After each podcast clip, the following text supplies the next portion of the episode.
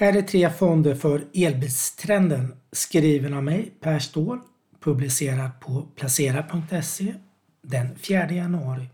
Den globala energiomställningen ökar efterfrågan dramatiskt på flera gröna nyckelmetaller under det kommande decenniet. Placera ser vilka metaller som påverkas mest och vilka fondinvesteringsalternativ som finns. För att uppfylla FNs ambitiösa klimatmål 2050 om klimatneutralitet krävs det investeringar på minst 140 000 miljarder dollar enligt Internationella energirådet IEA. Värt att poängtera är att IEA grundades 1974 som en konsekvens av oljekrisen 1973. Det är en lång resa när fossila bränslen för transporter, uppvärmning och elproduktion ska ersättas med förnybar energi. För att nå målen krävs en stor efterfrågan på metaller och mineraler. Listan kan göras lång. Allt från ovanliga jordartsmetaller till litium, koppar och aluminium som är jordens tredje vanligaste metall. Det är metaller som behövs för förnyelsebara energiprojekt som solpaneler, vindkraftverk och inte minst en ökad användning av elektriska fordon. Den globala elbilsmarknaden växer kontinuerligt med en årlig tillväxttakt på 22 procent och förväntas växa från 8 miljoner till 39 miljoner sålda enheter till 2030. 2040 spås 9 av 10 bilar som säljs vara elbilar. En elbil behöver upp till 6 gånger så mycket mineraler som en konventionell fossildriven bil och det är bilbatteriet som tar mineralerna i anspråk. Den gröna omställningen kräver mer batterier för energilagring men det är bilbatterier som står för den absolut största efterfrågan enligt IEA. Placera tittat närmare på några av nyckelmetallerna som behövs för elektrifiering av bilar. Aluminium är det tredje vanligaste grundämnet på jorden. Detta används främst i konsumentprodukter, bildelar och byggnader och elektrisk infrastruktur. Aluminium har egenskaper som hjälper till att sänka fordonens vikt, öka bränsleeffektiviteten och minska koldioxidutsläppen. Det förväntas också ha högre utnyttjande i bilbatterier över tid på grund av dess hållbara och lätta natur. Förutom aluminiums roll i elbilar är det en avgörande insatsvara för solpaneler och vindkraftverk. Kina är idag världens största aluminiumproducent. Det är för närvarande sanktioner på rysk aluminium som står för drygt 5% av den globala produktionen. Koppar är en annan betydande metall för hela den förnybara omställningen. Enligt analytiker är det en stor klyfta mellan utbud och efterfrågan på koppar och ser risken för ett strukturellt underskott. Den globala efterfrågan på koppar beräknas fördubblas fram till 2035. En efterfrågan som förväntas fortsätta att växa till år 2050. De tre största kopparproducenterna är Chile, Peru och Kongo. De tre stora står för 46 procent av den globala produktionen. Zink används till stor del som rostskyddsmedel vid galvanisering av stål eller järn och används för att stabilisera batterier. Zinkbatterier kan betraktas som ett alternativ till litiumbatterier och kan fungera som en viktig resurs för energiomställningen. Zink står för en intressant dynamik eftersom det är den enda metallen som upplever ett fall i utbud och efterfrågan. Efterfrågeminskningen beror till stor del på Kinas fastighetssektor. Minskat byggande i spåren av en orolig fastighetssektor har dämpat efterfrågan på stål inklusive zinkbelagt galvaniserat stål. Kinas Securities Regulatory Commission har planer på fem åtgärder för att stödja fastighetssektorn. Av dessa fem åtgärder är den viktigaste att tillåta icke-offentlig refinansiering för företag inklusive de som är noterade i Hongkong. Vilket gör att användning av zinkbelagt galvaniserat stål spås återhämta sig. Litiums främsta användningsområde är för tillverkning av bilbatterier och för energilagringsteknik. Litiumbatterier erbjuder pålitlig, stabil och långvarig kraft till elbilar, hem och konsumentelektronik. Litium behövs för att producera praktiskt taget alla batterier som för närvarande används i elbilar och konsumentelektronik. Eftersom det är både den lättaste metallen med ovanligt bra egenskaper.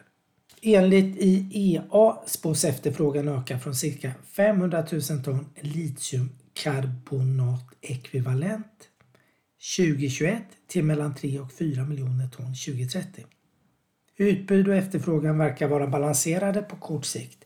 Långtidsprognoserna säger att en ihållande brist är möjlig. Den nuvarande kapacitetstillväxten förväntas möta den förväntade efterfrågan fram till 2025 och potentiellt fram till 2030 om tillräckligt många återvinningsprogram blir tillgängliga. Efter 2030 är förväntningarna att en obalans mellan utbud och efterfrågan kan driva upp litiumpriset. Värt att notera att Teslas VD Elon Musk kommenterat att litiumpriset redan har vuxit nästan 20 gånger priset sedan 2012 utan obalanser i utbudet. Nickens historiska användningsområde är för tillverkning av rostfritt stål och elektronik. Nickeln har också en ökad roll i energilagring för uppladdningsbara batterisystem. Tillverkningen av nickel domineras av Indonesien som producerar två gånger mer än den näst största leverantören Filippinerna. Ryssland, Nya Kaledonien och Australien hör till de tre andra betydande producenterna. Precis som för aluminium har det förekommit leveransproblem för nickel efter ryska sanktioner. Ryssland producerar runt 9% av världens nickel och nära en tredjedel av nickelsulfidmalmen som används för att producera nickelsulfatet som används i elbilsbatterier. Den globala efterfrågan på nickel förväntas öka med 44% fram till 2030 på grund av den höga efterfrågan på bilbatterier. Efterfrågan efter det spås vara stark och fyrdubblas under de kommande 30 åren. Kobolt är en annan viktig mineral som främst används i metalllegeringar och batterier.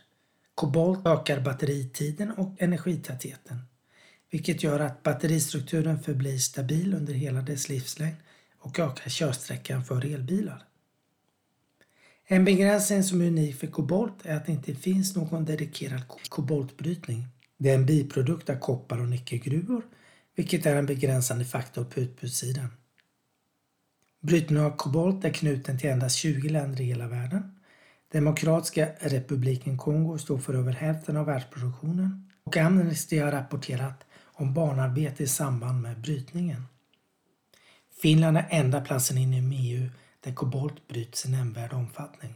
De senaste två åren har efterfrågan på kobolt varit stor på grund av litiumjonbatterimarknadens snabba tillväxt och stark elbilsförsäljning.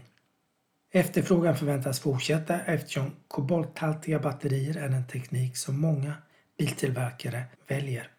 Återvinning av de viktigaste metallerna är en annan viktig faktor för att efterfrågan ska tillgodoses och komma i bättre balans. Placera lyfter fram tre fonder som investerar kring temat gröna metaller och elbilsomställningen. Fonden Tematica Future Mobility Retail är en tematisk fond som i huvudsak investerar i elbilar och värdekedjan runt elbilstekniken. Fonden har 47 investeringar kring temat framtidens mobilitet och huvuddelen av bolagen är klassificerade som små tillväxtbolag. Den är klassad som en branschfond inom ny teknik av Morningstar men 71 procent av innehaven hör hemma i råvarusektorn. Fonden består till 43 procent av småbolag och 20 procent medelstora bolag. Alla har en tillväxtbolagskaraktär. Fondens tio största bolag väger 47 procent av fondens värde. Australiska bolag väger tyngst med 34 procent följda av sydkoreanska bolag på 19 procent. Fondens tre största innehav är alla involverade i den gröna råvaran litium och väger tillsammans runt 20. Det fjärde största innehavet är den australiska kobolt och nickelproducenten Jervois Global på knappt 5. Fonden Atlant Green Tech Metals förvaltas av Mattias Gromark. Fonden fokuserar på företag som verkar inom prospektering, utvinning, bearbetning, återvinning eller finansiering i framtagandet av metaller som behövs för förnyelsebar energi, energilagring eller till exempel eldrivna fordon. Metallerna är till exempel koppar, zink, nickel, silver, kobolt, litium med flera. Fonden strävar efter att enbart placera i bolag som bedriver sin verksamhet så att de ligger i linje med de hållbarhetskrav som ställs enligt den nya EU-taxonomin, vilket reducerar klimatavtryck. Fonden har 47 innehav och de 10 största väger tillsammans 43 procent. Kanadensiska bolag utgör hela 48 procent följt av USA-bolag på 11 procent. Spridningen för de tre största innehaven är bred. Kanadensiska uranbrytningsbolaget Cameco är fondens största innehav på drygt 7 procent. Näst störst är Lithium America, verksamma i Argentina och delstaten Nevada. Specialistkemibolaget Albemarle är fondens tredje största innehav. Blandfonden AUAG Precious Green som förvaltas av Erik Strand har 30% investerat i greentech-aktier via 4D-strategier som gynnas av en grönare värld och elektrifieringstrenden.